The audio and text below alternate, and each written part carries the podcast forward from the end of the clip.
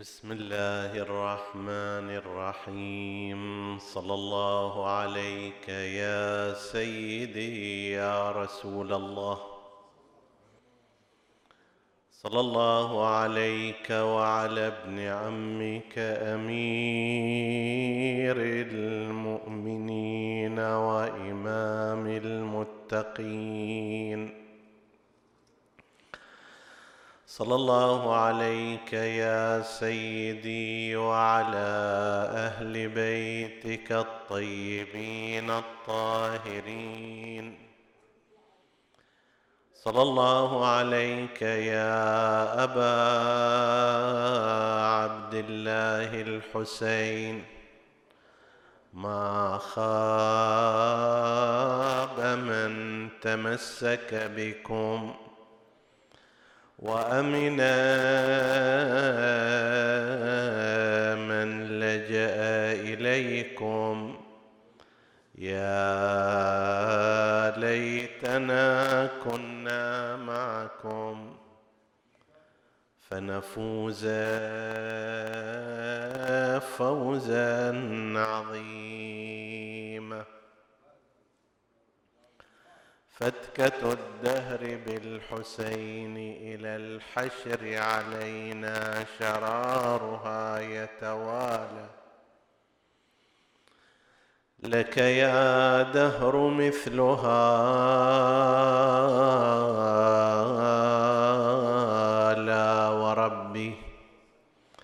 إنها العثرة التي لن تقال.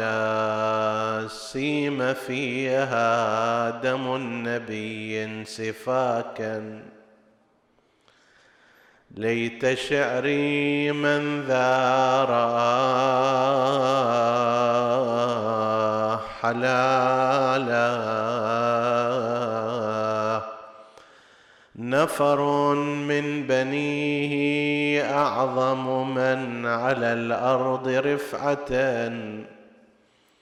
وأعلى منالا ما اكتفت بالنفوس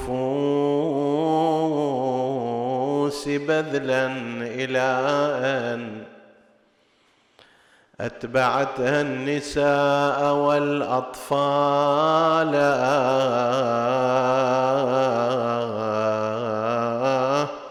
ليتهم بعدما الوغى طحنتهم. أرسلوا نظرة وقاموا عجالا ليروا بعدهم كرائم وحي. زلزل الدهر عزها زلزالا أصبحت.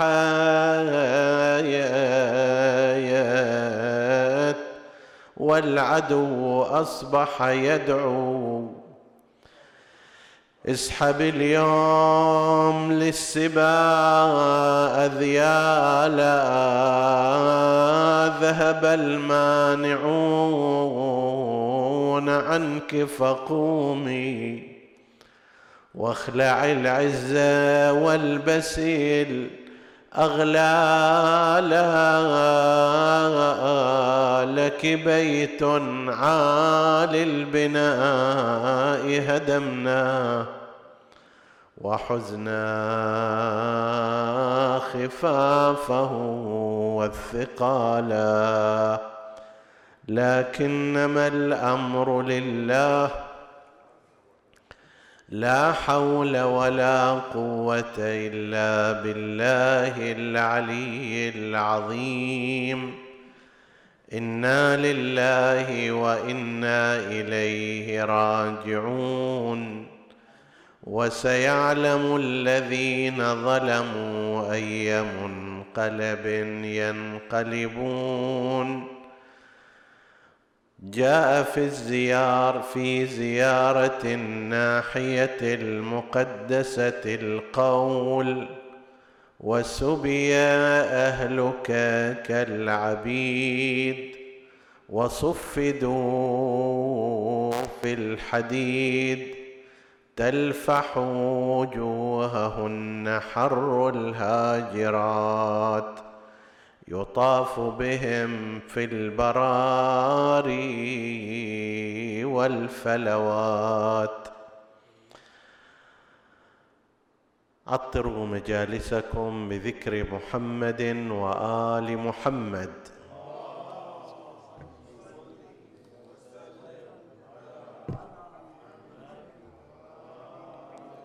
اللهم صل على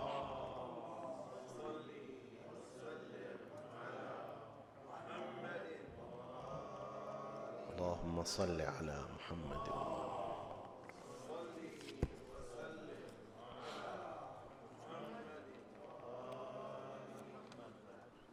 حديثنا بإذن الله تعالى سيتناول هذه الليلة والليالي التي تليها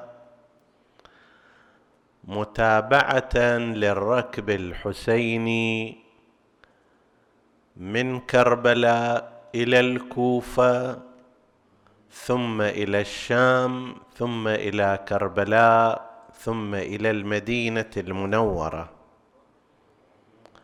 هذه الرحلة التي استغرقت ثمانية وخمسين يوما من الألم والمعاناة وكان على أثرها أن شيد بناء النهضة الحسينية وانتشرت أخبارها وآثارها في مناطق كثيرة من العالم الإسلامي لولا حركة السبايا بالقطع واليقين لم تكن هذه النهضة المباركة.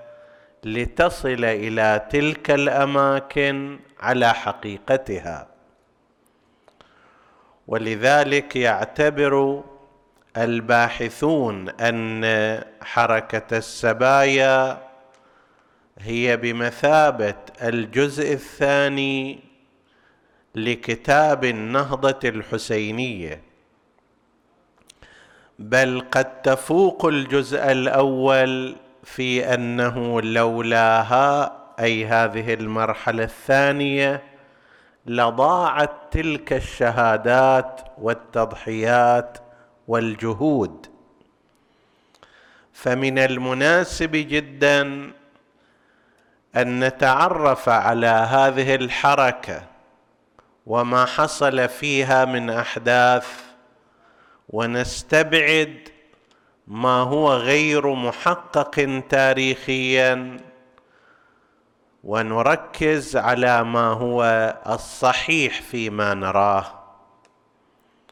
ملاحظة عابرة ذكرناها في بعض الأماكن ونشير إليها إشارة هنا وهي أن قسما من العلماء والباحثين التاريخيين استبعدوا أن تكون رحلة الركب الحسيني من كربلاء إلى الشام إلى كربلاء قد وقعت في أربعين يوما. يقول لك هذا غير معقول لأنهم أقاموا في بعض الأماكن مثل الكوفة قريب أسبوع في الشام قريب أسبوع في الطريق كانوا يتوقفون فكيف يرجعون خلال أربعين يوم إلى كربلاء مع بعد المسافة بين كربلاء وبين بلاد الشام. لذلك قسم من هؤلاء قالوا إذا رجعوا رجعوا في سنة أخرى. طبعا هذا الرأي وإن كان صادرا من بعض العلماء إلا أنه لا يوجد قرينة تاريخية تؤيده ولا منبع موثوق يؤكده. وهكذا الحال فإن قسما من الباحثين قالوا لا رجعوا في نفس السنة سنة واحد وستين لكن مو بعد أربعين, أربعين يوم يمكن بعد أربعة أشهر خمسة أشهر وبالتالي يرى هؤلاء أنه ما صار لقاء جابر الأنصاري وكذا وكذا في يوم الأربعين. وهذا أيضا الرأي الآخر ليس رأيا محققا ولا يعضده التاريخ وإنما الصحيح هو ما ذهب إليه مشهور المؤرخين وعليه العمل وهو أنه بالفعل رجعوا في يوم العشرين من صفر. وبشكل مختصر نشير إلى أن منشأ الخطأ الذي وقع فيه هؤلاء الباحثين منشأ الخطأ الذي وقع فيه هؤلاء الباحثون هو أنهم لم يلاحظوا المسافة التي تقطع في كل يوم على ظهور الجمال والنياق. المسافة التي يقطعها الجمل والإبل في اليوم اللي هي مسيرة ثمان ساعات تقريبا قد تزيد أو تنقص قليلا. هذه تبلغ 160 كيلومتر بحساباتنا اليوم. 160 كيلومتر يقطعها الإبل الجمال في المسير العادي مو المسير السريع مسير القوافل. فإذا تقسم المسافات على هذه ال... على هذه السرعة وقطع المسافة سوف تجد أنه ينطبق تماما على قضية الأربعين.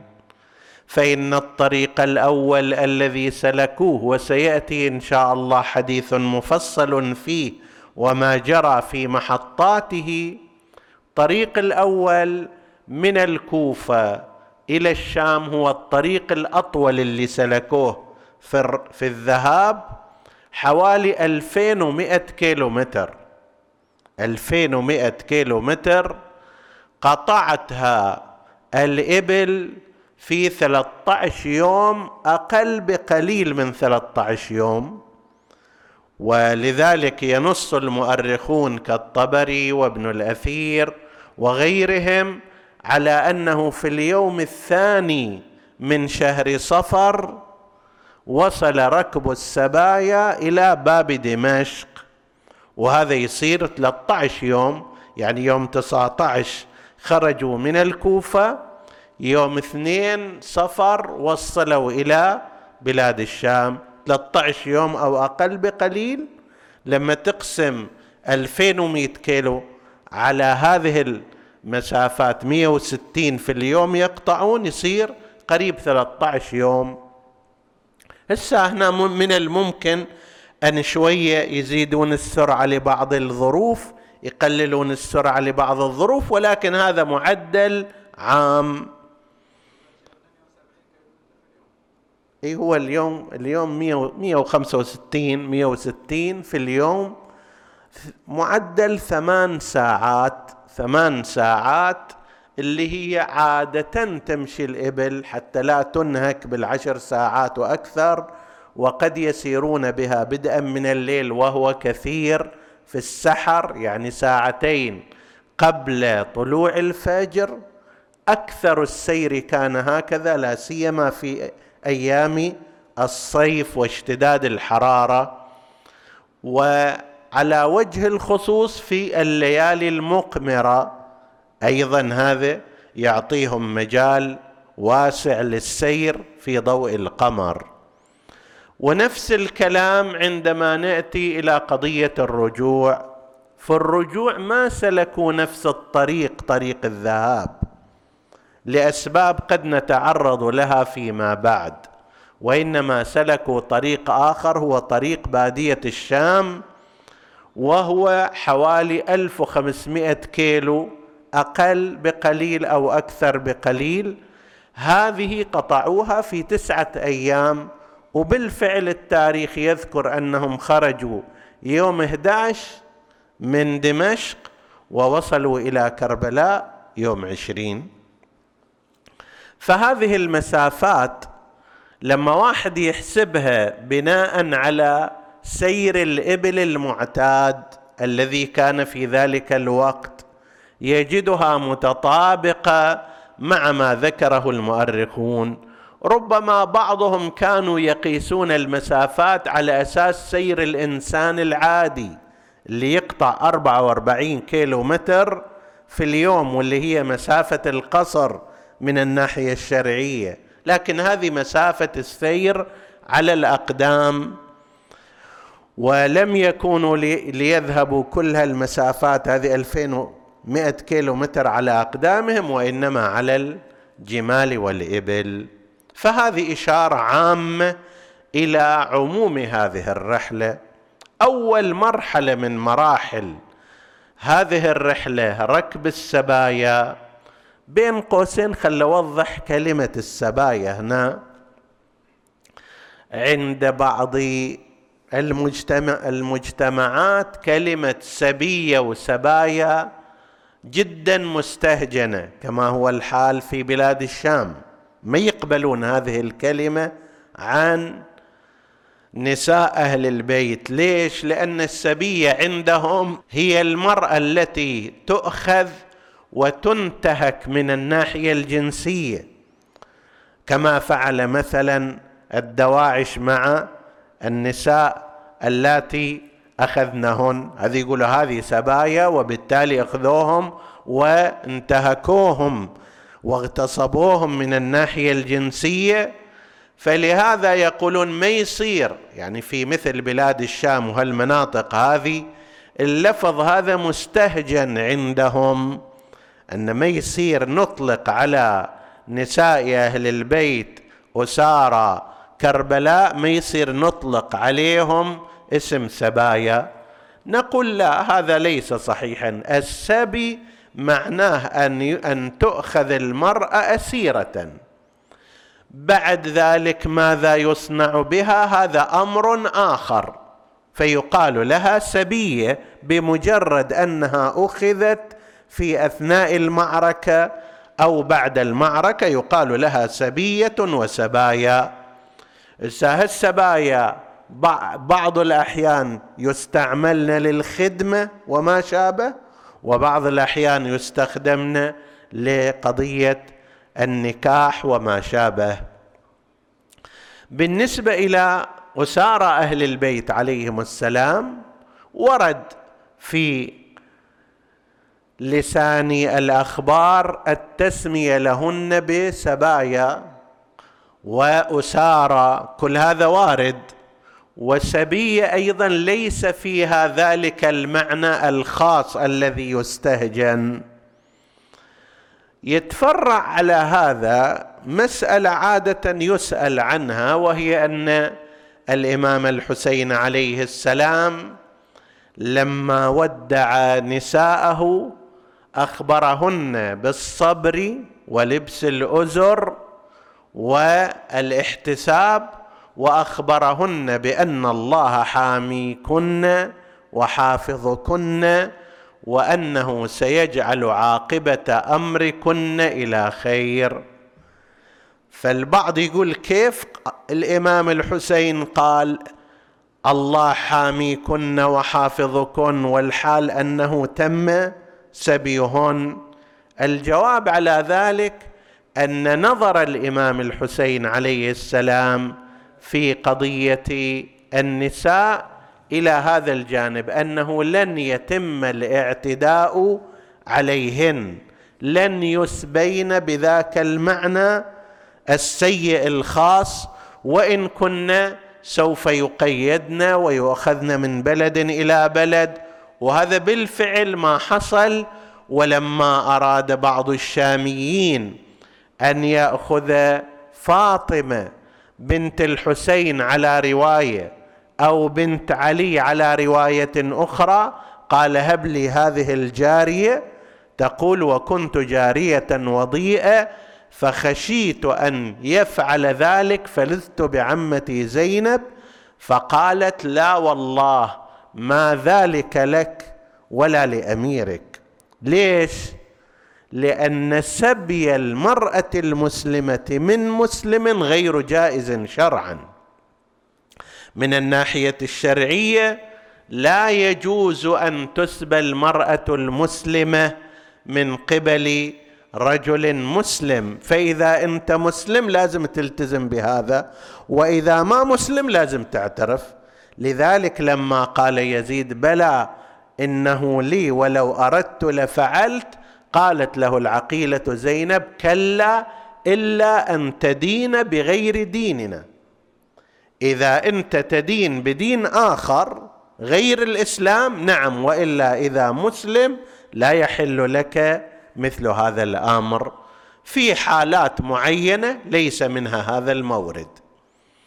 على كل حال فخرج ركب السبايا والأسارى من كربلاء يوم الحادي عشر بعد الظهر وكان يوم سبت. 11 يوم السبت 11 سنة 61 بعد الظهر. المفروض أنه بعد صلاة الظهر خرج الركب ركب الأسارى باتجاه الكوفة بين الكوفة وبين كربلاء ثمانين كيلومتر. سيقطعونها بحدود الخمس ساعات أو أكثر أو أقل ولذلك وصلوا في الليل. لأنهم وصلوا في الليل فلم يكن القادة العسكريون كعمر بن سعد وأشباهه من اللؤماء ما يريدون يدخلون في الليل وإنما يريدون يدخلون وسط النهار الناس يتجمعون يحتفلون بهذا النصر في زعمهم ويبينون ما صنعوه من فتح كما زعموه. فلذلك أخر الدخول إلى اليوم الثاني يوم الأحد صباحا بعد ما الناس استيقظت وأعلن أنه سيدخل ركب سبايا الحسين عليه السلام وتجمعوا الناس من كل مكان بالفعل بدأ الناس يتقاطرون في الأماكن والطرقات ويحاولون التفرج. هنا نشير إلى عدة نقاط. واحد من النقاط أن بعض المؤرخين حاولوا أن يهونوا من المصيبه ومن الإثم الذي ارتكبه أولئك. ف وهذا سبق في بعض الأماكن أن ذكرنا أنه تم تغييب النهضة الحسينية عندما شوهت المصادر التي نقل منها المتأخرون المصادر المتقدمة. الحقيقية والأصلية ما نقلوا منها مثل مقتل أبي مخنف الأزدي ومثل تاريخ الطبري وأمثاله وإنما اعتمد المتأخرون على مثل كتاب الطبقات لابن سعد وهذا فيه الكثير من الأشياء غير الحقيقية. وعلى كتاب الأخبار الطوال لابن قتيبة الدينوري وهذا أيضا نفس الكلام. مثلا ابن قتيبة الدينوري ينقل في كتابه أنه قال وأمر ابن سعد أن تحمل نساء الحسين في المحامل المستورة على الإبل. المحامل المستورة على الإبل هذه كان كان يصنعها مثل الحسين وأبو الفضل العباس في المجيء باعتبار نسائهم محل كرامة محل تقدير. الإبل ما تنركب إلا بمحمل يخلون عليها قتب لأن مرتفع هكذا بحسب السنام.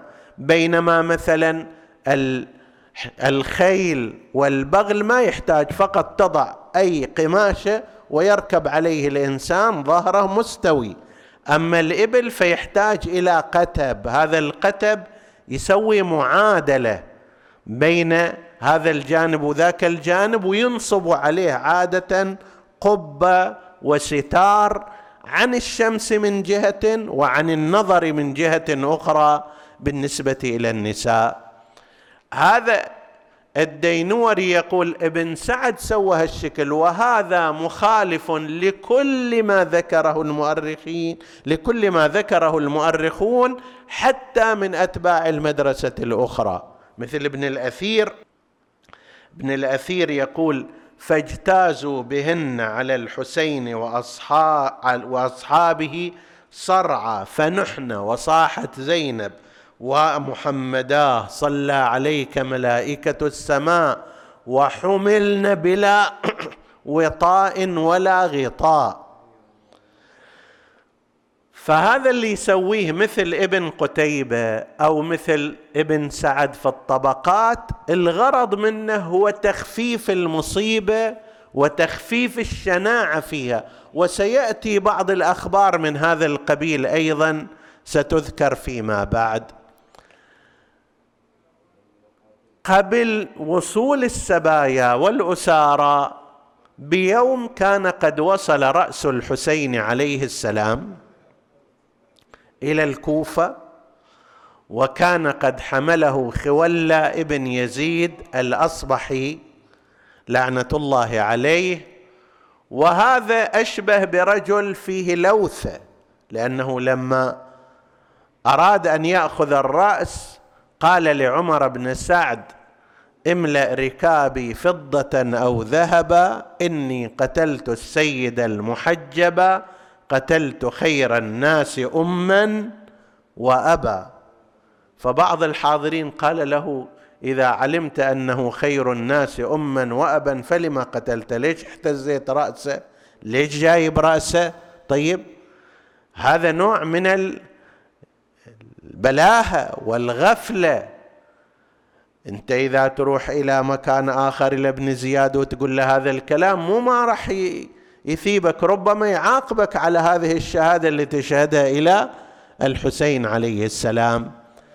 فهذا جاء إلى الكوفة وصل في الليل كما ذكرنا لأنه اذا إذا فرضنا أنه طلع بحدود ساعة ثلاثة ونص أربعة عصرا يحتاج إلى أربع ساعات أو نحوها إلى أن يوصل إلى الكوفة.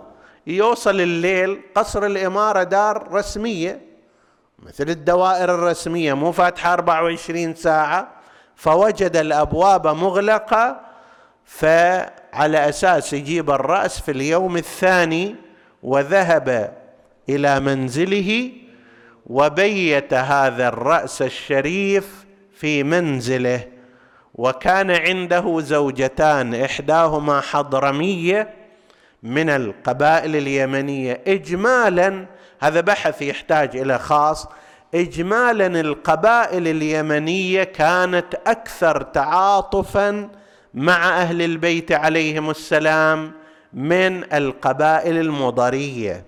عرب الجنوب حسب التعبير كانت في الجملة أكثر تعاطفا مع أهل البيت من عرب الشمال مضر قريش. هذول بالتالي عندهم منافسات مع بني هاشم عندهم صراعات سابقة إلى غير ذلك. بينما ذولاك القبائل اليمنية لم يكن عندهم هذا. نعم كان فيهم سيئون من كندة من مثل الأشعث بن قيس وأبناؤه. وأسرته وما شابه لكن بشكل عام. فهذه النوار بنت مالك الحضرمية من قبائل اليمن لما علمت أنه جاء برأس الحسين عليه السلام بكت على ذلك وقالت لا والله لا يجمع رأسي ورأسك ورأسك وساد بعد هذا ابدا. وما قبلت أن يدخل إلى دارها ولا أن يبيت عندها فذهب إلى زوجته الأخرى الأسدية. هذا واحد من الاحتجاجات اللي نسميها الفردية. ما إلها منح عام أكو عندنا احتجاج عام في وسط الناس جميعا كما سيأتي عن عبد الله بن عفيف الأزدي. عبد الله بن عفيف الأزدي واحد من أصحاب أمير المؤمنين عليه السلام جاهد معه وقاتل وخسر إحدى عينيه في الجمل والأخرى في صفين. ولذلك كان كفيف البصر لما ابن زياد خطب وسب الحسين عليه السلام وسب أمير المؤمنين قام ونهض في وجهه وقال إنما الكذاب أنت وأبوك ومن ولاك وأبوه. تقتلون أئمة المؤمنين ثم تصعدون على منابر المسلمين؟ فلما اعترض عليه أمر ابن زياد بأن يؤخذ لكن قومه وقبيلته حاموا عنه إلى أن ذهب إلى البيت. عندما ذهب إلى البيت جردوا عليه جماعة من المقاتلين وقاتلهم وهو كفيف البصر بإرشاد ابنته. رضوان الله عليه وعليها. تقول له أبا جاءوك من اليمين فيضرب يمينا أو شمال فيضرب شمالا وهي أيضا تساعده.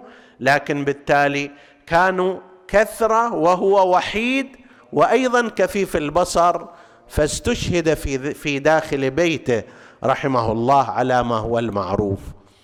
هذا احتجاج عام في وسط المجتمع في وسط المسجد. لكن عندنا احتجاجات فردية مثل هذا. مثل المرأة الأخرى زوجة مالك ابن النسر البدي.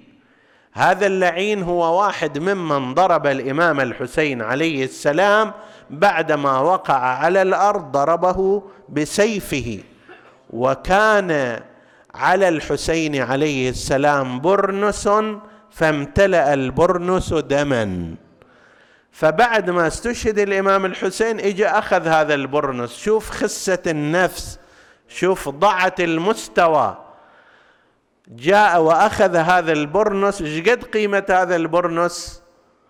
أخذه وجاء به إلى الكوفة وأمر وأمر زوجته أن تغسله. قالت له ما هذا؟ فقال لها هذا برنس الحسين وقد ضربته بالسيف. فقالت له حشى الله قبرك نارا. والله لا أجتمع معك في بيت واحد. إما أنت تطلع أو أنا أطلع. وبالفعل هجرت ذلك الرجل. وكان هذا أيضا من الاحتجاج الذي نعده احتجاجا فرديا. في الكوفة بعد ما دخل ركب السبايا وقد أمر بتعطيل الأسواق وبخروج الناس عطلة رسمية خلاص. الناس أيضا يخرجون للتفرج ووسائل الإعلام في ذلك الوقت أخبرت كل بلد في كل زمن له وسائل إعلامية. الآن كيف أن عندنا وسائل إعلامية كالقنوات والإذاعات وما شابه ذلك؟ في ذاك الوقت كان شيء مثل الطبول تدق وواحد أو جماعة يدورون في الحارات والأماكن يطلبون من الناس أن يخرجوا ليتفرجوا أو ينالوا الجوائز أو ما شابه ذلك.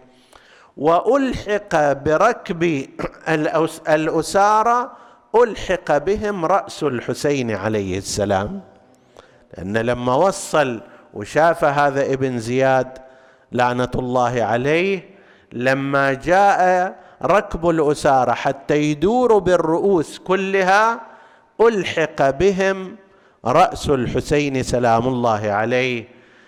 كأن زينب عليها السلام وقد التفتت إلى ذلك الرأس الشريف تمثلت بقول القائل يا هلالا لما استتم كمالا غاله خسفه فأبدى غروبا. ما توهمت يا شقيق فؤادي؟ كان هذا مقدرا مكتوبا. وبدأت هذه الجولة بالسبايا في أزقة الكوفة وطرقاتها والناس يتفرجون. طبعا مو كل أهل الكوفة كانوا يتفرجون شامتين. الناس انقسموا إلى قسمين قسم متعاطف قسم باكي قسم حزين على ما حصل وقسم متشمت وفرح بما حصل للحسين وأصحابه. وإلا وجدنا مثلا في الكوفة نساء ساقتهن الغيرة والمحبة بعد أن سألوا من أي الأسارى أنتم؟ كأنما ما كانوا ملتفتين. من أي الأسارى أنتم؟ فقالت سكينة نحن أسارى آل محمد. اللهم صل على محمد وآل نحن أسارى آل محمد فلما سمعت النسوة بذلك استعبرنا وبكينا ورفضنا هذا الأمر وذهبنا وجمعنا ازرا ومقانع منهن ومن جيرانهن حتى تتغطى النساء وحتى تستتر هذه النسوة اللاتي كن في ذلك الركب. وبعد ذلك بعد هذه الجولة بعد هذا العرض الذي عرضوه استقدموهم إلى قصر ابن زياد لعنة الله عليه. فابن زياد طبعا بنشوة النصر التي كانت عنده أخذ يتهكم عليهن. اولا وجه وجه وجه كلامه إلى زينب عليها السلام وقد تنحت ناحية وهي متنكرة حتى لا تعرف. فقال من هذه المتنكرة؟ قالوا له هذه زينب بنت علي بن أبي طالب.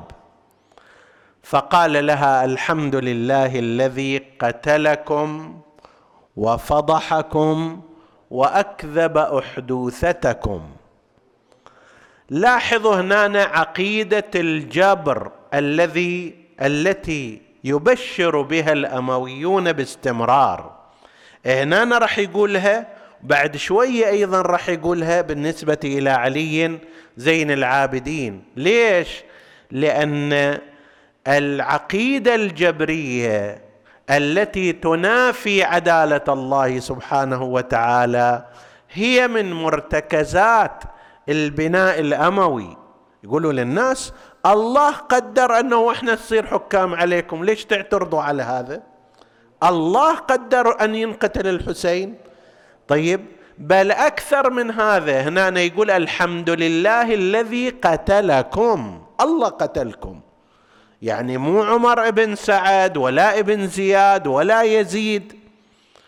فقالت له إنما يفتضح الفاسق ويكذب الفاجر. وهو غيرنا ثكلتك أمك يا ابن مرجانه هذا يسمونه في البلاغة الإحالة الضدية. بدل ما تقول أنه أنت الفاسق وأنت الفاجر تقول للمفضوح هو الفاسق. المفضوح والكاذب هو الفاجر وهو غيرنا. فإذا معنى ذلك من هو؟ أنت لازم تستنتج أنه ذلك الشخص المخاطب وهذا من بلاغة زينب عليه السلام وهي في ذلك الموضع. طيب فعندئذ التفت ابن زياد إلى علي بن الحسين عليه السلام وقال من هذا؟ قالوا له هذا علي بن الحسين. مرة أخرى نفس العقيدة الجبرية الأموية. يقول ماذا؟ أليس الله قد قتل علي بن الحسين؟ مرة أخرى الله قتل علي بن الحسين في رأي ذلك الطاغية. فقال الإمام زين العابدين عليه السلام بكل هدوء قال كان لي أخ اسمه علي قتله الناس. يعني لا تشيلوا المسؤولية القتل وتذبوها على الله وإنما قتله الناس. قال بل الله قتله الله هو اللي قتله. قال الله يتوفى الأنفس حين موتها والتي لم تمت في منامها. نعم كل شيء تحت إرادة الله ولكن المباشر للقتل المباشر للاعتداء ليس هو الله سبحانه وتعالى.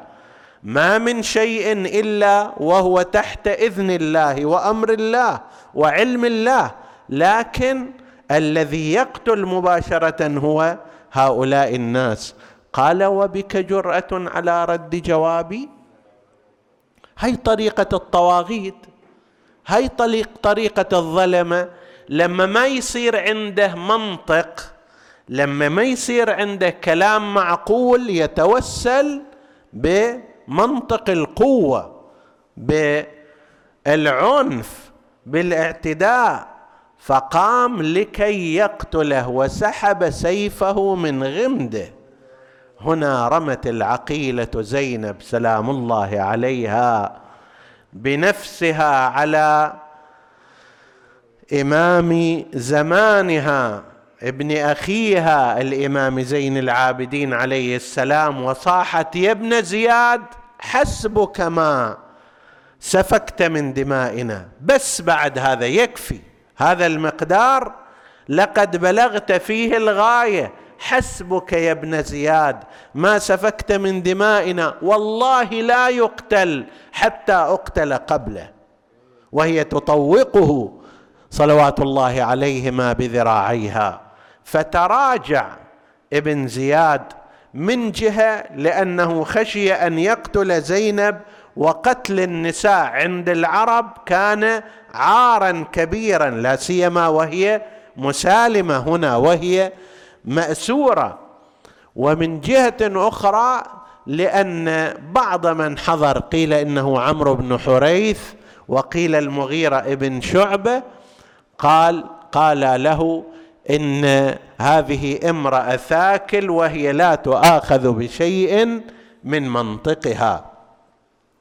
ونفس الكلام في موضع آخر عندما أراد أن يعاقب زينب سلام الله عليها واستل محزمة عندما قالت له إنما يفتضح الفاسق ويكذب الفاجر وهو غيرنا ثكلتك أمك يا ابن مرجانه في إشارة لا تخفى على السامع يعني أنت أمك مرجانه هي تلك المرأة المجوسية التي فجرت في زمانها وهذا معروف. ولذلك في كلام الإمام الحسين عليه السلام ألا وإن الدعي ابن الدعي؟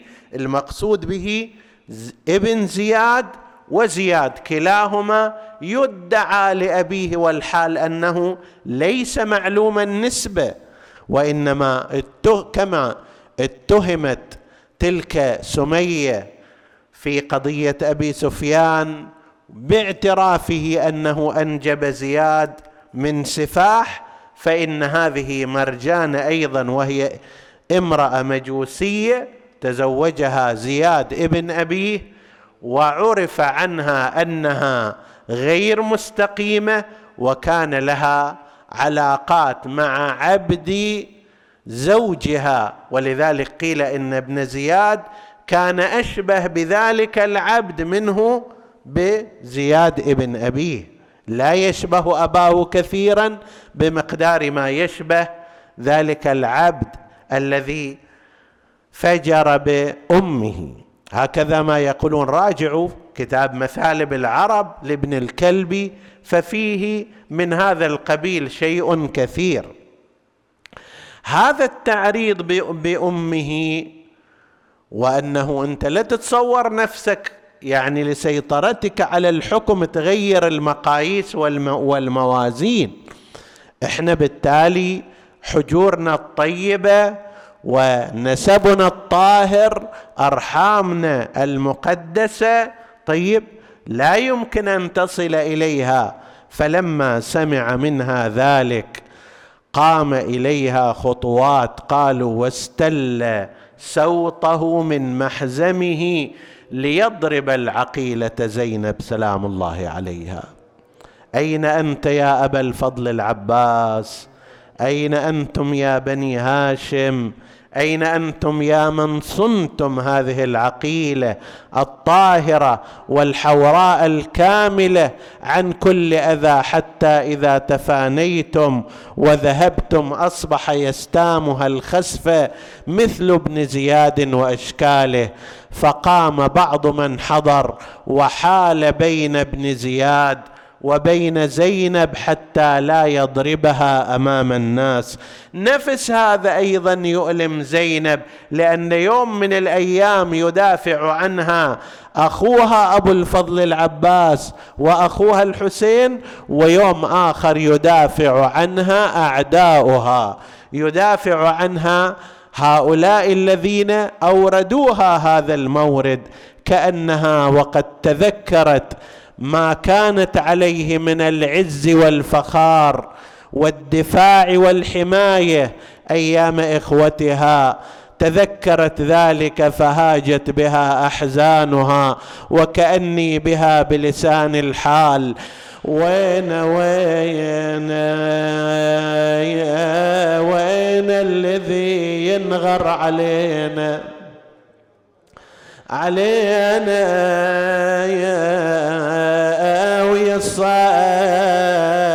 يا محامي الضعينه وإن كان ما يعرف ولينا ولينا العلامة السهم نابت بعينه. إي والله ويسراه مقطوعة يا مقطوعة يا ويمينة فأوقفها مثل الإمام في ابتياعها. فأوقفها مثل الإمام في ابتياعها. يسب أبوها عند سلب قناعها. ولا ستر إلا ساعدون وزنود. نسألك اللهم وندعوك باسمك العظيم الأعظم الأعز الأجل الأكرم يا الله. اغفر لنا ذنوبنا كفر عنا سيئاتنا. آمنا في أوطاننا لا تسلط علينا من لا يخافك ولا يرحمنا. ولا تفرق بيننا وبين محمد وآله طرفة عين. احفظ اللهم إخواني الحاضرين فردا فردا واقض حوائجهم اشف اللهم مرضاهم لا سيما المرضى المنظورين. اللهم اشفهم بشفائك وداوهم بدوائك وعافهم من بلائك بحق محمد وآله أوليائك وتقبل اللهم عمل المؤسسين بأحسن القبول إلى أرواح موتاهم وموتى السامعين. نهدي ثواب الفاتحة تسبقها الصلوات.